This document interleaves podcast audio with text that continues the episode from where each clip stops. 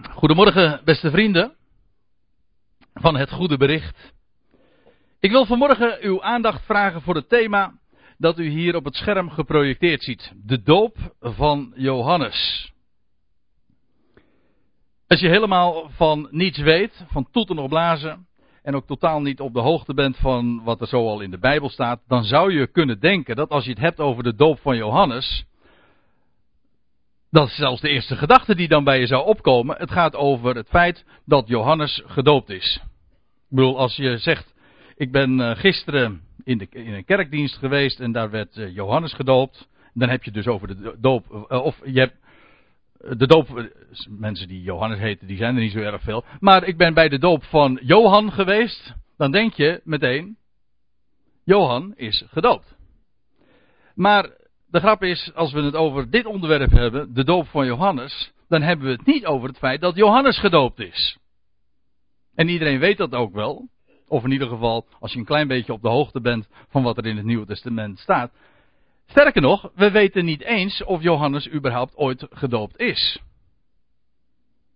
In de Bijbel vinden we het in elk geval niet. Als we het hebben over de doop van Johannes, dan gaat het over het feit dat Johannes doopte. Nou, hoe dat precies zit, daar wil ik vanmorgen graag eens wat dieper op ingaan. En we doen dat aan de hand van wat we lezen in Marcus 1.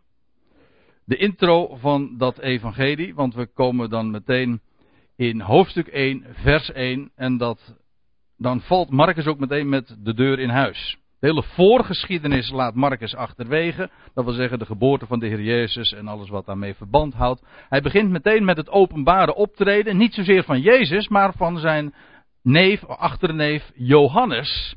Die een half jaar ouder was ook dan hij. Het was Johannes eerst die begon met zijn publieke optreden.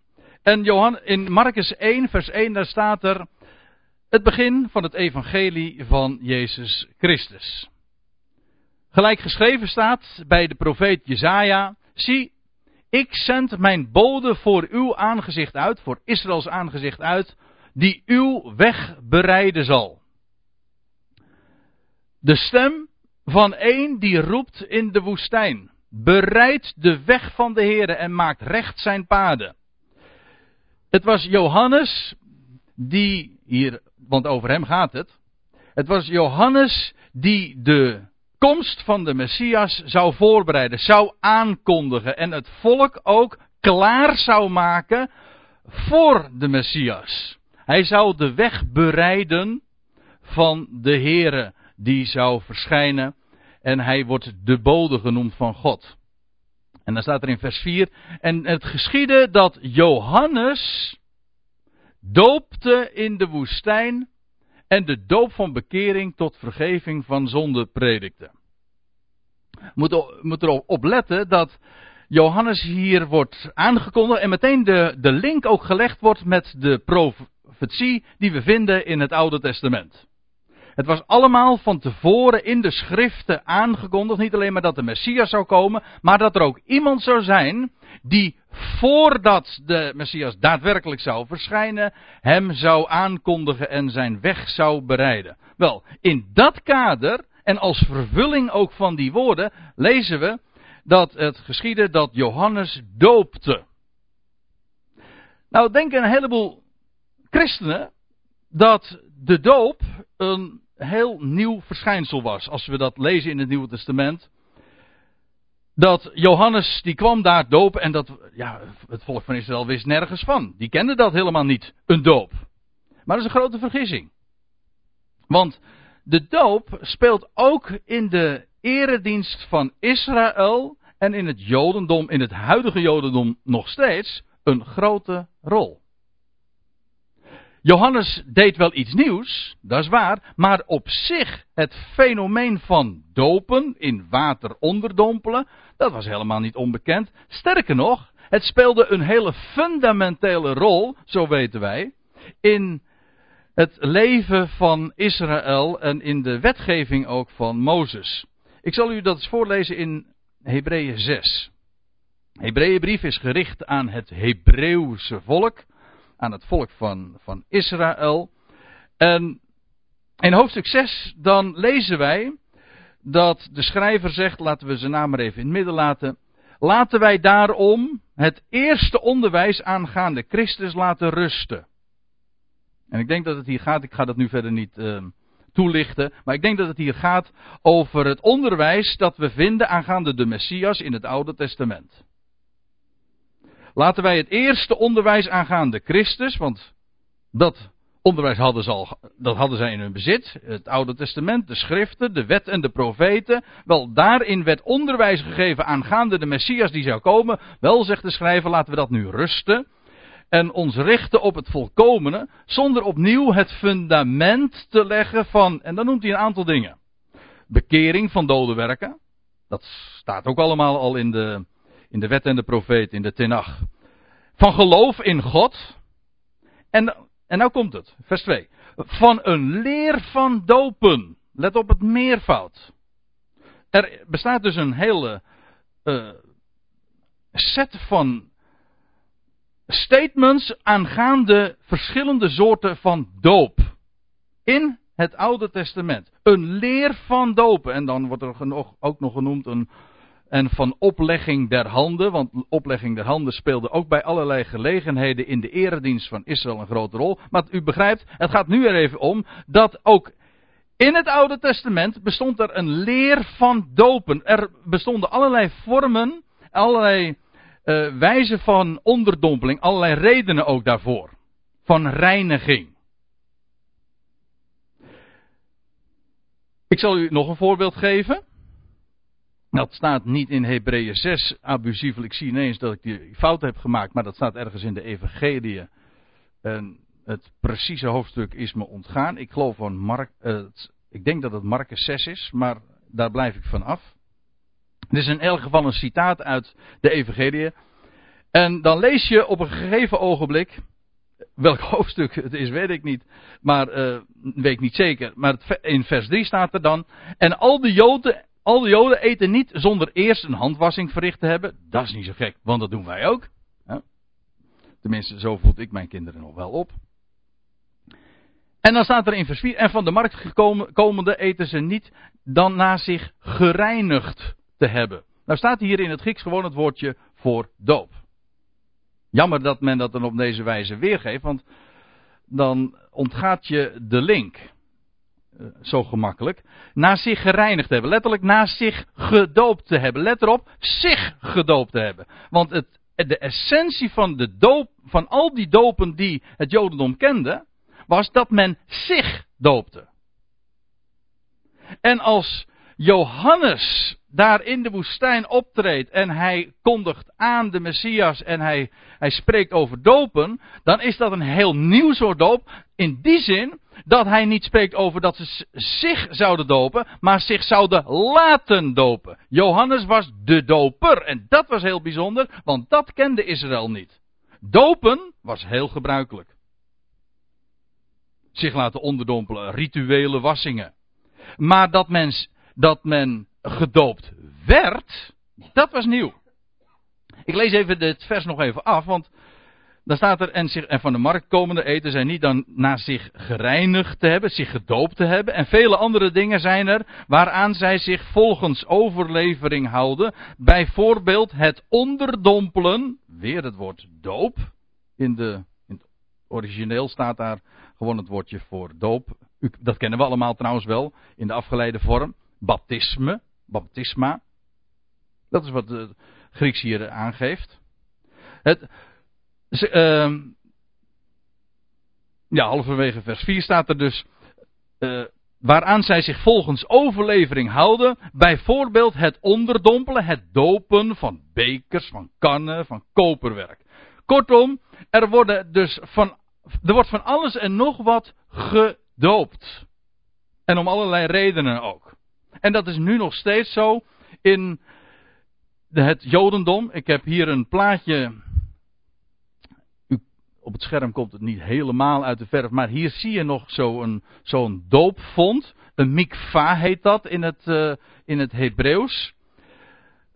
De, of eigenlijk dat is de doop in, uh, in het Jodendom, een mikva. Het, dit is een, een oude opgraving van een, een, eh, onder een synagoge is dit uh, gevonden ergens in Israël, een, waar men zich om welke reden dan ook, zich doopte, zich liet, uh, niet liet maar zich onderdompelde.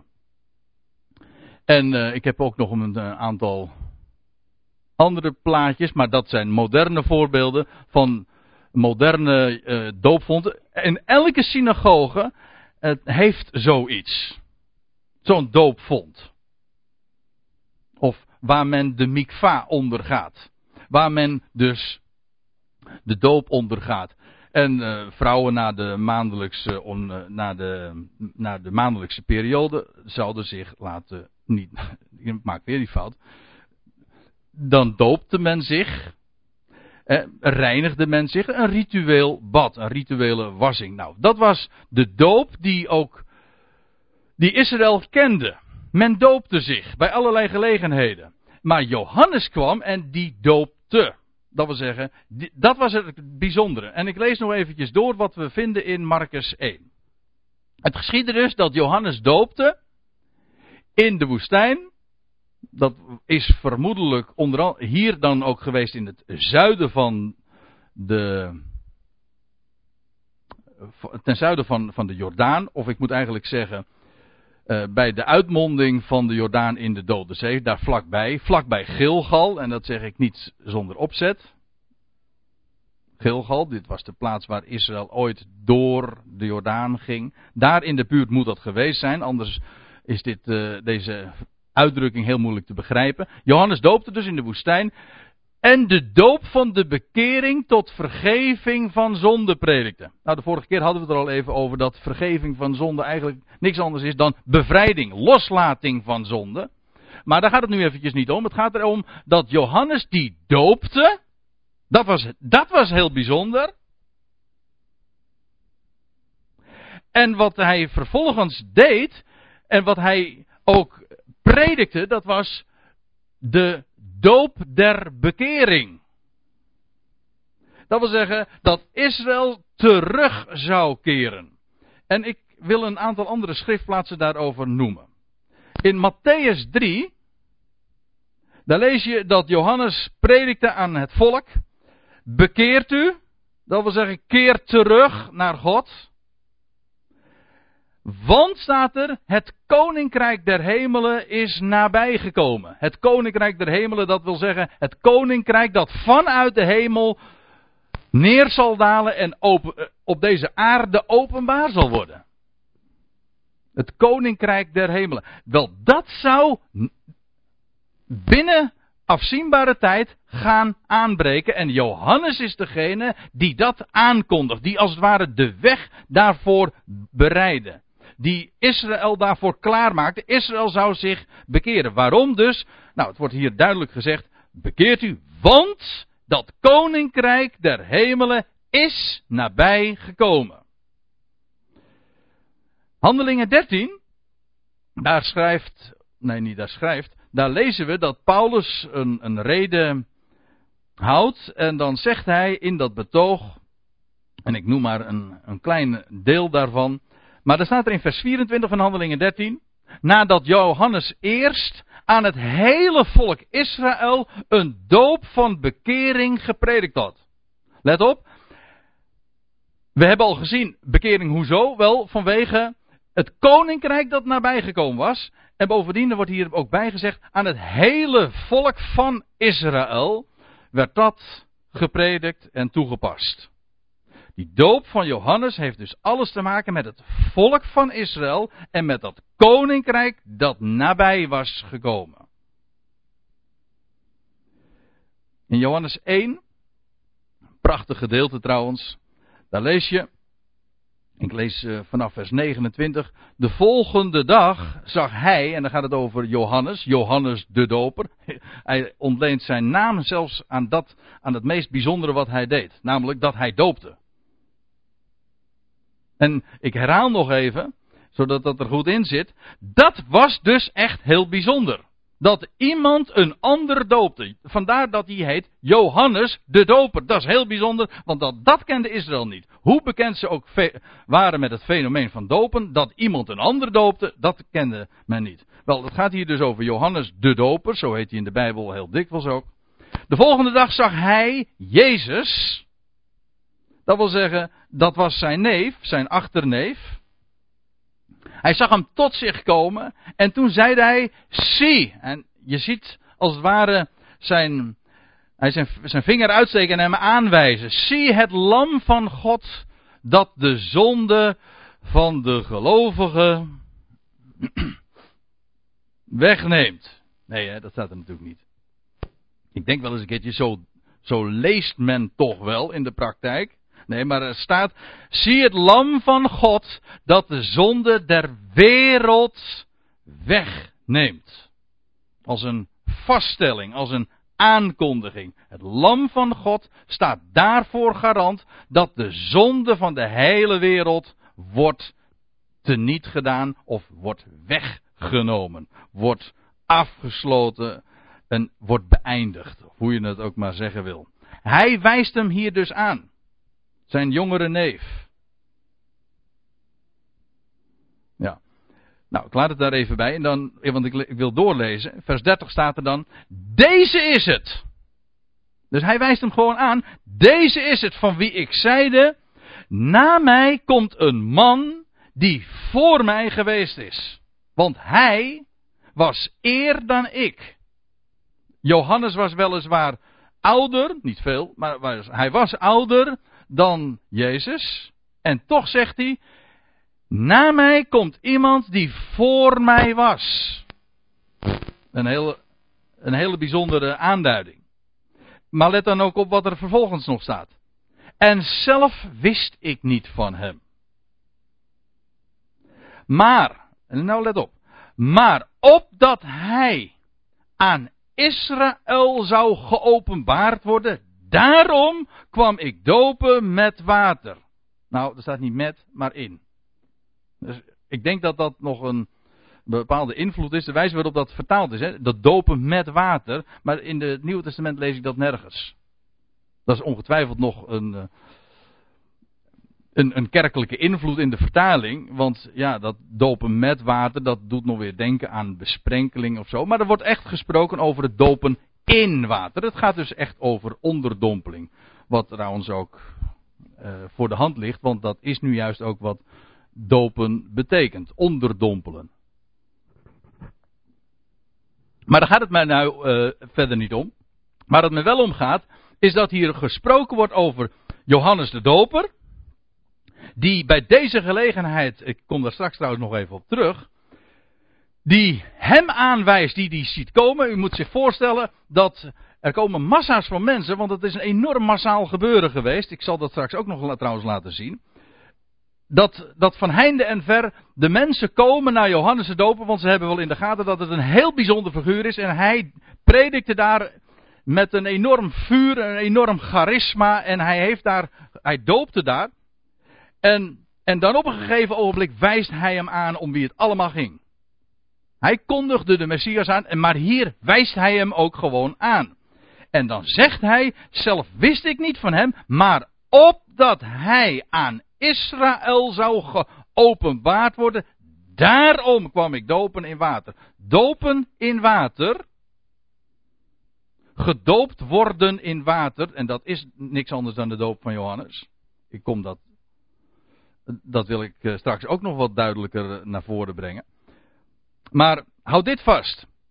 De doop van Johannes heeft alles te maken met het koninkrijk dat openbaar zou worden en Israël dat zich zou bekeren met het oog op de Messias. En de Messias zou openbaar worden. Wel, dat is, zo staat het hier, hè, opdat hij geopenbaard zou worden aan Israël. Daarom doopte Johannes in water.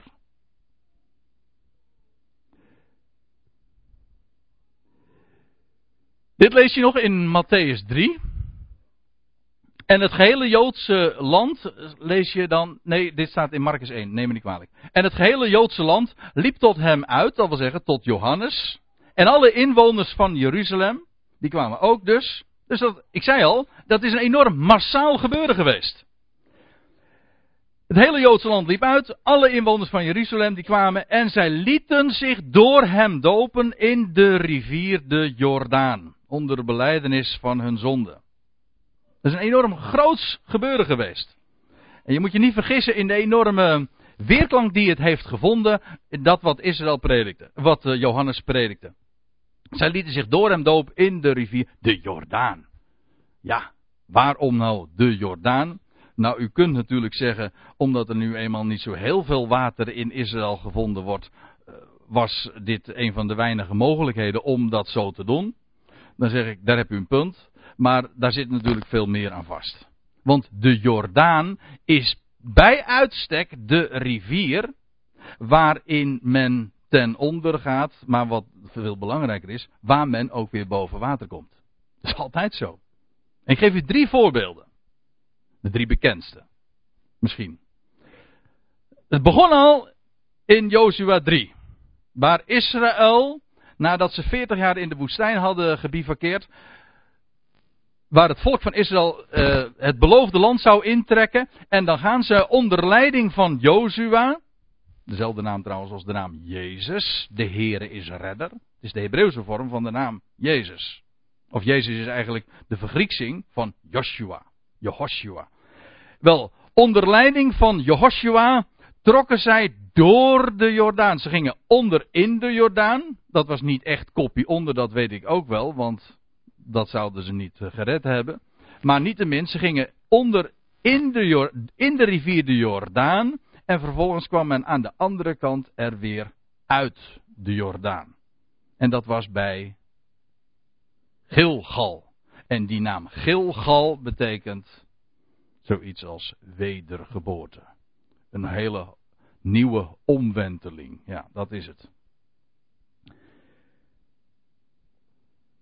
Dood en opstanding. Want dat is wat, wat dat water ook uitbeeldt. Het is eigenlijk niets anders dan een, een graf. Dat, dat wateroppervlak, dat is niks anders dan uh, dat water zelf is, is een graf waarin men ten onder gaat. Ik zal dat ook, dat wil ik nog straks wat duidelijker laten zien. Men gaat daarin onder. En wat veel belangrijker is, want dopen, dat is ten onder gaan. Maar het punt is dat men daaruit opstaat. Uit de dood op. Maar ja, je kunt er alleen maar uit opstaan als je eerst ten onder gaat. Dus men ging onder in de rivier en men kwam er aan de andere kant weer uit. En toen kwam men in het beloofde land terecht. Goed, dat was de doortocht door de Jordaan. Wat dacht u van Naaman? Die ook ten onder ging in de Jordaan. Zeven keer zelfs.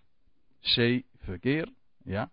En toen na de zevende keer was die man die helemaal melaats was en om die reden ook helemaal die grote reis had ondernomen en naar Israël was gegaan. Toen werd hij in die armoedige rivier de Jordaan, want dat was het in zijn ogen werd die, ging die ten onder.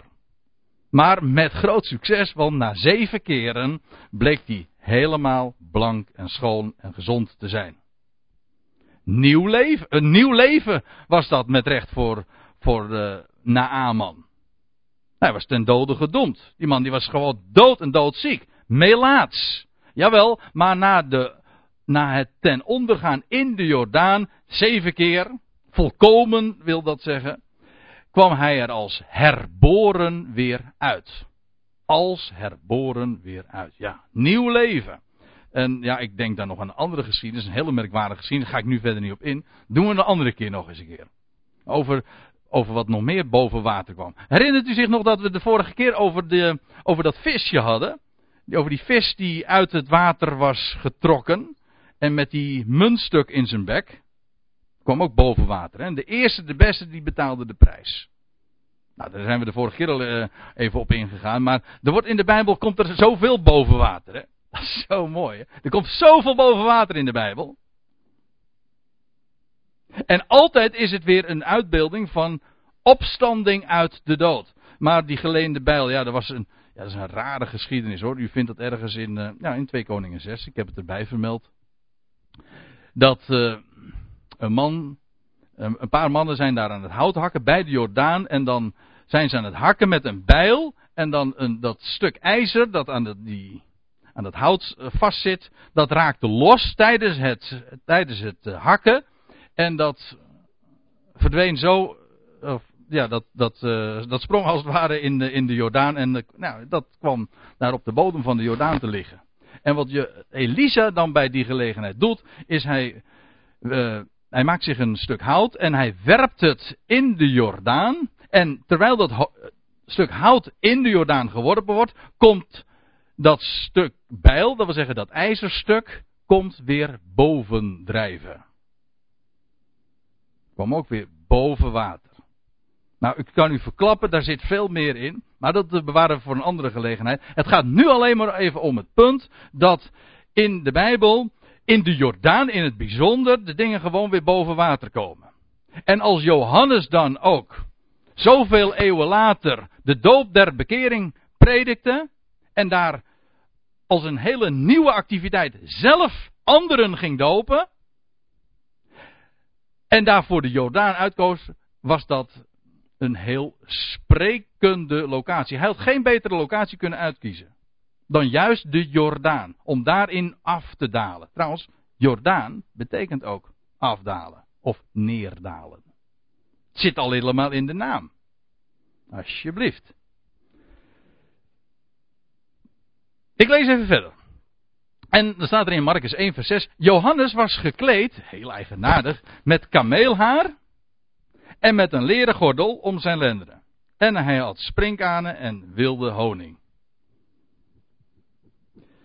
Ja, als je, maar als je dat leest, gekleed met kameelhaar en met een leren gordel om zijn lendenen, aan wie moet je dan onwillekeurig denken? Dan denk je, in, als je met Hebreeuwse ogen dit leest, als kenner van de Tenach, als kenner van het Oude Testament, dan denk je, hé, hey, dat is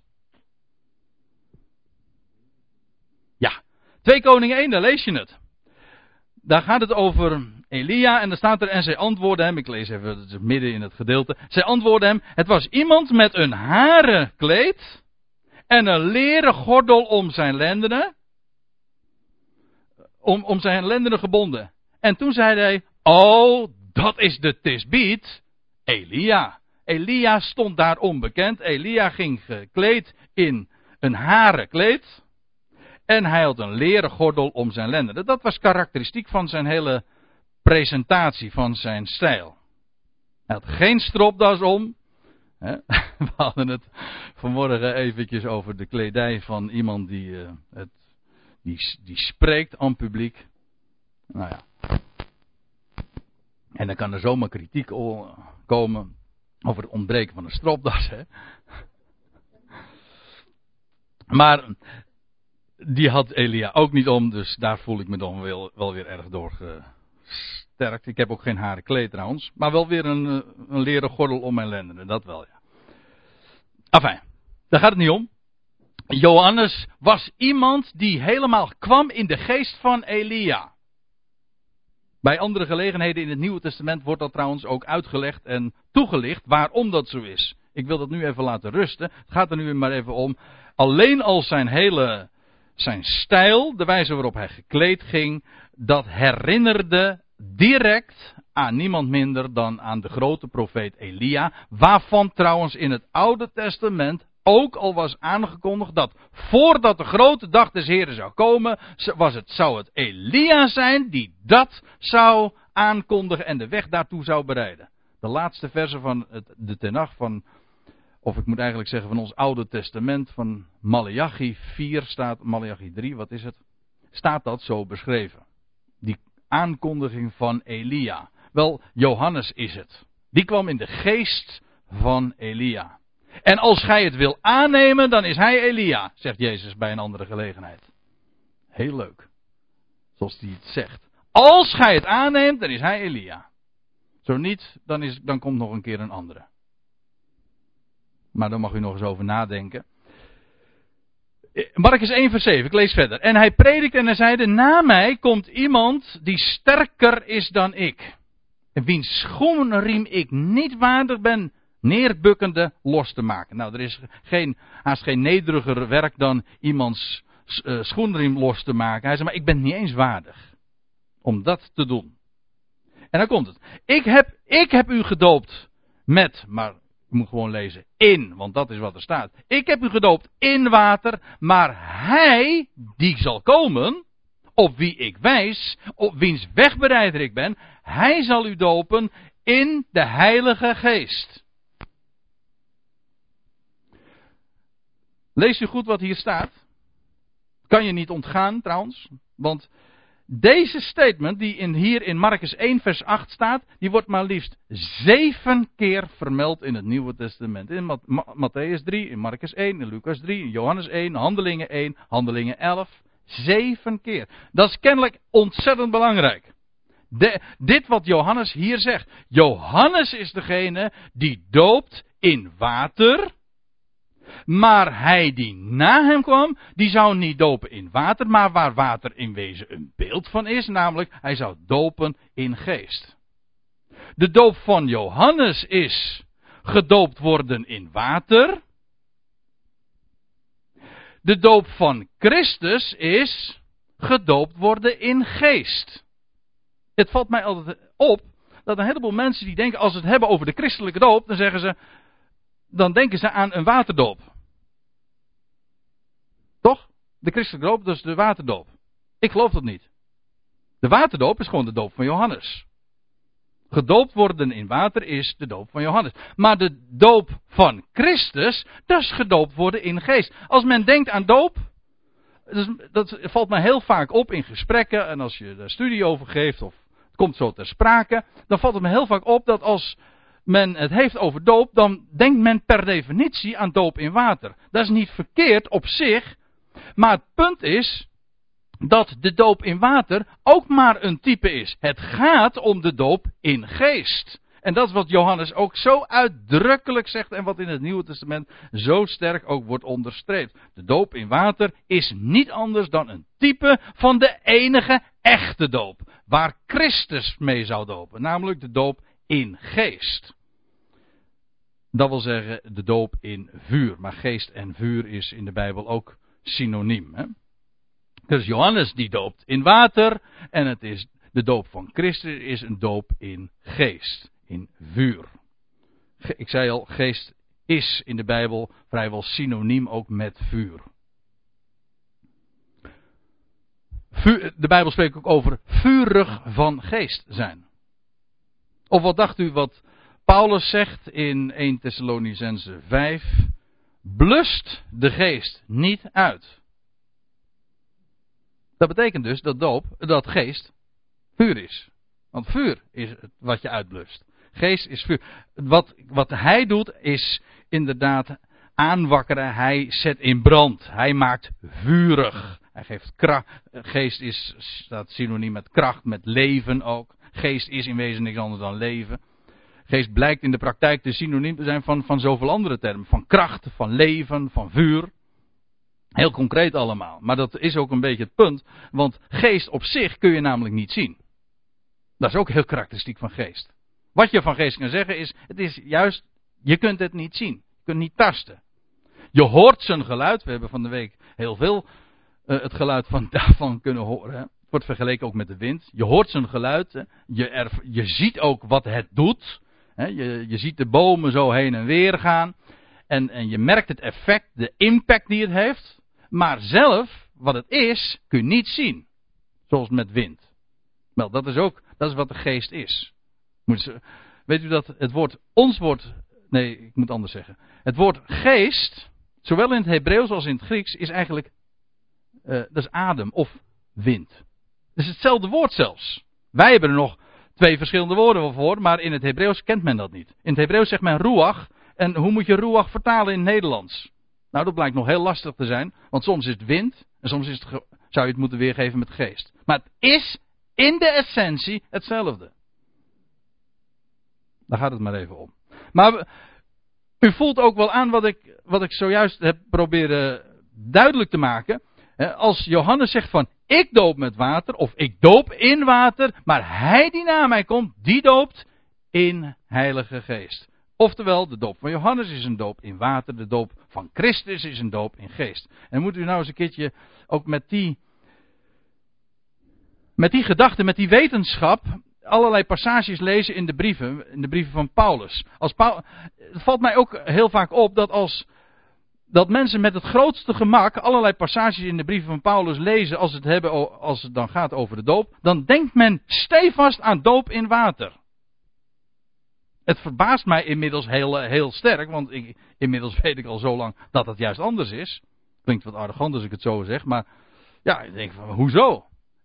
Nou, in Romeinen 6 vers 3, daar zegt Paulus, of weet gij niet dat wij allen die in Christus Jezus gedoopt zijn? Dan zegt ze, dat is een doop in water. Nee, het is een doop in Christus Jezus. Ja, weet gij niet dat wij allen die in Christus Jezus ondergedompeld zijn in zijn dood gedoopt zijn? Galaten 3 vers 27. Want gij allen die in Christus gedoopt zijt, hebt u met Christus bekleed. Gaat het hier over een doop in water? Nee, het gaat hier over een doop in Christus. Niet een doop in water, maar een doop in geest daarmee dus. Een geestelijke doop. 1 Korinthe 12 vers 13 is een heel mooi voorbeeld trouwens. Want daar, daar staat het namelijk letterlijk zo. Want in één geest zijn wij allen tot in één lichaam gedoopt. Het zij Joden, het zij Grieken. In één geest gedoopt tot in één lichaam. Dat is geen ritueel dat mensen toepassen. Nee, dat is de doop inderdaad van Christus. We worden gedoopt. Dat is een geestelijke aangelegenheid. Wij zijn tot één lichaam. De, degenen die geloven in Christus Jezus ontvangen zijn geest, zijn kracht, zijn leven, dat vuur van hem, en worden daarmee tot een eenheid gesmeed, tot één lichaam. Daar komt geen druppel water bij te pas. Dat is de echte doop. De doop in water die is niet minder waardig, of, als, of nou onwaardig. Het is inderdaad wel minder waard dan de echte doop, dat is logisch. Maar het is, waar het werkelijk om gaat, is die doop in geest. Dat is de doop van Christus, waar de doop van Johannes slechts een type, een voorafschaduwing, of hoe je het ook maar zeggen wil, van is. Maar, nou zou het natuurlijk kunnen zijn dat en ik, ik, ik, je voelt de vraag aankomen. Zeggen, maar is het dan niet zo dat degenen die gedoopt werden in, door, in de doop van Johannes, dat die zich later weer lieten overdopen toen zij eenmaal de Heer Jezus Christus hebben leren kennen. En dat wordt gebaseerd op één tekst en dat is in Handelingen 19. En ik geloof dat dat anders zit. En ik zal het ook proberen duidelijk te maken. Ik lees het even voor uit de Statenvertaling, omdat het daar wat beter staat weergegeven. In Handelingen 19, vers 1, daar staat dit. En blijf er even bij, dit is een wat, wat moeilijk gedeelte misschien in deze toespraak, maar even de ogen goed openhouden, eventjes de oren spitsen. Daar staat dit. En het geschiedde terwijl Apollos de Korinthe was, dat Paulus de bovenste delen van het land doorreisd hebbende te Efeze kwam en enige discipelen al daar vindende. U merkt wel dat het heel ouderwetse taal. Maar goed. Hij zeide tot hen: Hebt gij de Heilige Geest ontvangen als gij geloofd hebt? En ze zeiden tot hem: Wij hebben zelfs niet gehoord of er een Heilige Geest is. En hij zeide tot hen: Waarin zijt gij dan gedoopt? En ze zeiden: In de doop van Johannes. Nou, nou moeten ze opletten. Maar Paulus zeide: Johannes heeft wel gedoopt de doop der bekering, zeggende tot het volk, Israël dus, dat zij geloven zouden in degene die na hem kwam, dat we zeggen na Johannes, dat is in Christus Jezus. En die hem, dus Johannes dus, hoorden, werden gedoopt in de naam van de Heer Jezus. Want dat was namelijk degene die hij aankondigde. En dan sluiten de aanhalingstekens weer en dan lees je in vers 6. En als Paulus hun de handen opgelegd had, kwam de Heilige Geest op hen en ze spraken met vreemde talen en profeteerden. Enzovoorts. Is hier sprake van een overdoop? Nee. Maar weet u hoe het gewoonlijk gelezen wordt? De gebruikelijke lezing is dit.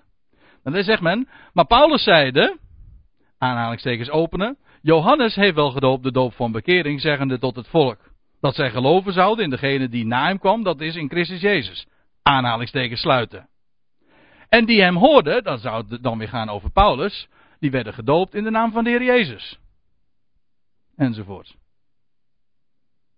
Even moeilijk, hè? Dus namelijk, de, de, de, de, kwestie is, waar zet je die aanhalingstekens? Of waar laat je die aanhalingstekens sluiten? Waar, waar eindigt het citaat? Maakt vers, maakt vers 5 nog deel uit van het citaat? Dat wil zeggen, is dat wat Johannes doet? Nee, ja, wat Johannes doet. Die hem hoorde, dat wil zeggen, die Johannes hoorde, die werden gedoopt in de naam van de Heer Jezus. Want dat is wat hij deed. Hij zegt, hij had toch gezegd tot het volk dat zij geloven zouden in degene die na hem kwam. Dat is in Christus Jezus. Dus als zij dus gedoopt worden, dan worden ze gedoopt in de naam van de Heer Jezus. Ik zie hier geen enkel bewijs in dat hier sprake zou zijn van een overdoop. Nee, die doop van Johannes is niks anders dan gedoopt worden in water. En dat is een uitbeelding van dood en van opstanding. En in de essentie is dat niets anders dan het, het, uh, dan het heenwijzen naar de Heer Jezus Christus. Dat is de doop van Johannes. In het boek Handelingen wordt er ook, als er dus in eh, boek Handelingen sprake is van waterdoop, dan is dat gewoon niet anders dan de doop van Johannes. En ik, eh, ik heb daar trouwens nog wel een argument voor. Maar die is een beetje lastig, want eh, dan hebben we het over de, de grammatica. Maar het, het, punt is namelijk dat als er staat. Er worden werkwoordsvormen gebruikt in dat citaat. Hè, in vers 4 en vers 5. Gedoopt. Wat u in groen ziet afgedrukt. Gedoopt. Hoorde. Werden gedoopt. Dat staat allemaal in een onbepaalde tijdsvorm. Komt niet tot uitdrukking in, uh, in onze Nederlands. Is ook heel lastig weer te geven.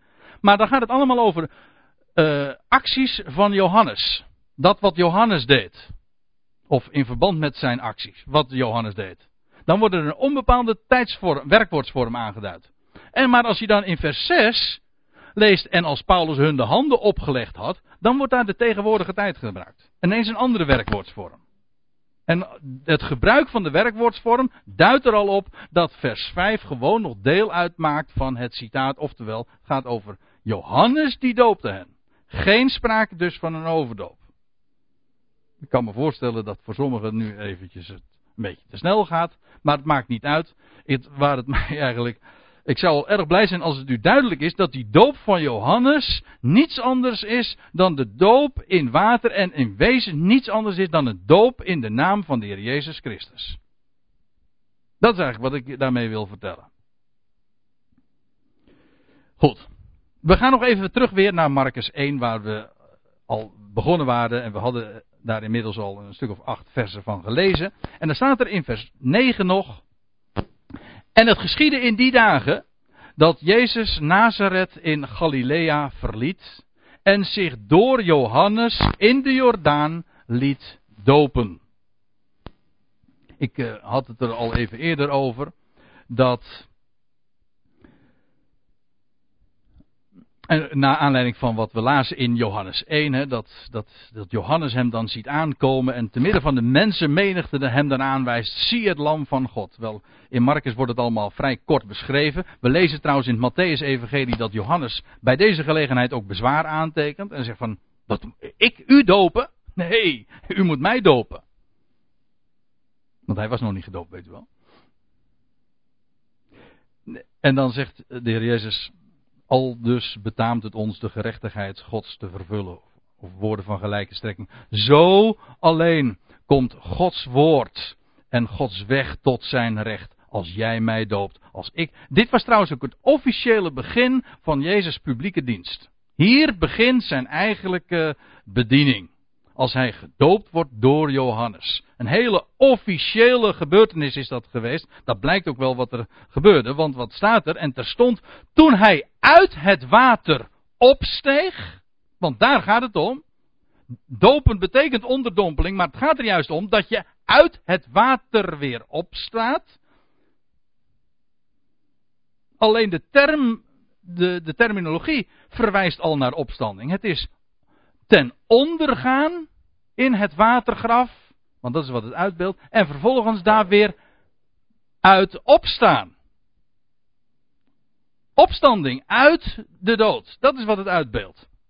Nou, toen zag hij, staat er, uh, toen zag Johannes, nee, toen zag de Heer Jezus, hij zag de hemelen scheuren en de geest als een duif, ziet u hem mooi vliegen, hè, op zich neerdalen. En kijk, en dan zie je dit nog. Ja, mooi hè. En hij zag de geest als een duif op zich neerdalen. Ik moet er trouwens bij zeggen dat dit herinnert aan een gebeurtenis zoveel jaren daarvoor, zoveel eeuwen daarvoor. Weet u nog de, dat de hele aarde ooit eens blank heeft gestaan? De hele aarde, de hele, de hele levende, alle leven op aarde uh, is ten onder gegaan.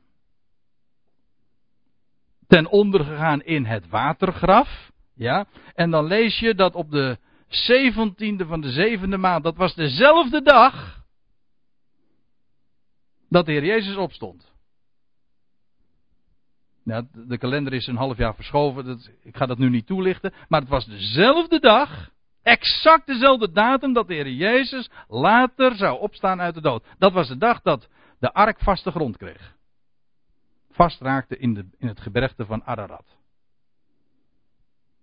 Ja. En, maar eh, dan lees je ook nog dat uh, na verloop van 40 dagen dan wordt het venster geopend. Wat gebeurde er 40 dagen later ook alweer? Ja, inderdaad, toen ging het venster open. Nou, in ieder geval, joh, ja, ik ik beloof u, daar kom ik nog een keer op terug. Want dit is een heel belangrijk onderwerp, maar er zit zoveel in. En het is zo onbekend en daarom wil ik dat graag nog eens onder de aandacht brengen. Maar goed, uh, hij stond dus op uit het water, uh, de heer Jezus, maar uh, dan lees je dus dat de duivel op hem neerdaalt. Maar bij, bij Noach lees je iets soortgelijks. Dan komt er ook een, die duif op een gegeven ogenblik weer terug. En u weet, een duif, dat is algemeen, hè? een duif dat is een, een vogel die een. Uh, ja, ik, kan Peter nu naar voren halen, want die heeft er veel meer verstand van dan ik. Dan ik. En uh, dan een, een, duif die draagt altijd een boodschap, hè? een postduif. Hè? Een, een, een, duif die, heeft, uh, die draagt een boodschap met zich mee. En wat voor boodschap dan wel? Nou, dan denk ik aan, een vrede, aan vrede. Een vredesduif, hè? Maar ik denk eigenlijk vooral aan wat, uh, wat Noach toen al gezien heeft. Die duif die had een olijftak in zijn snavel. Heel mooi.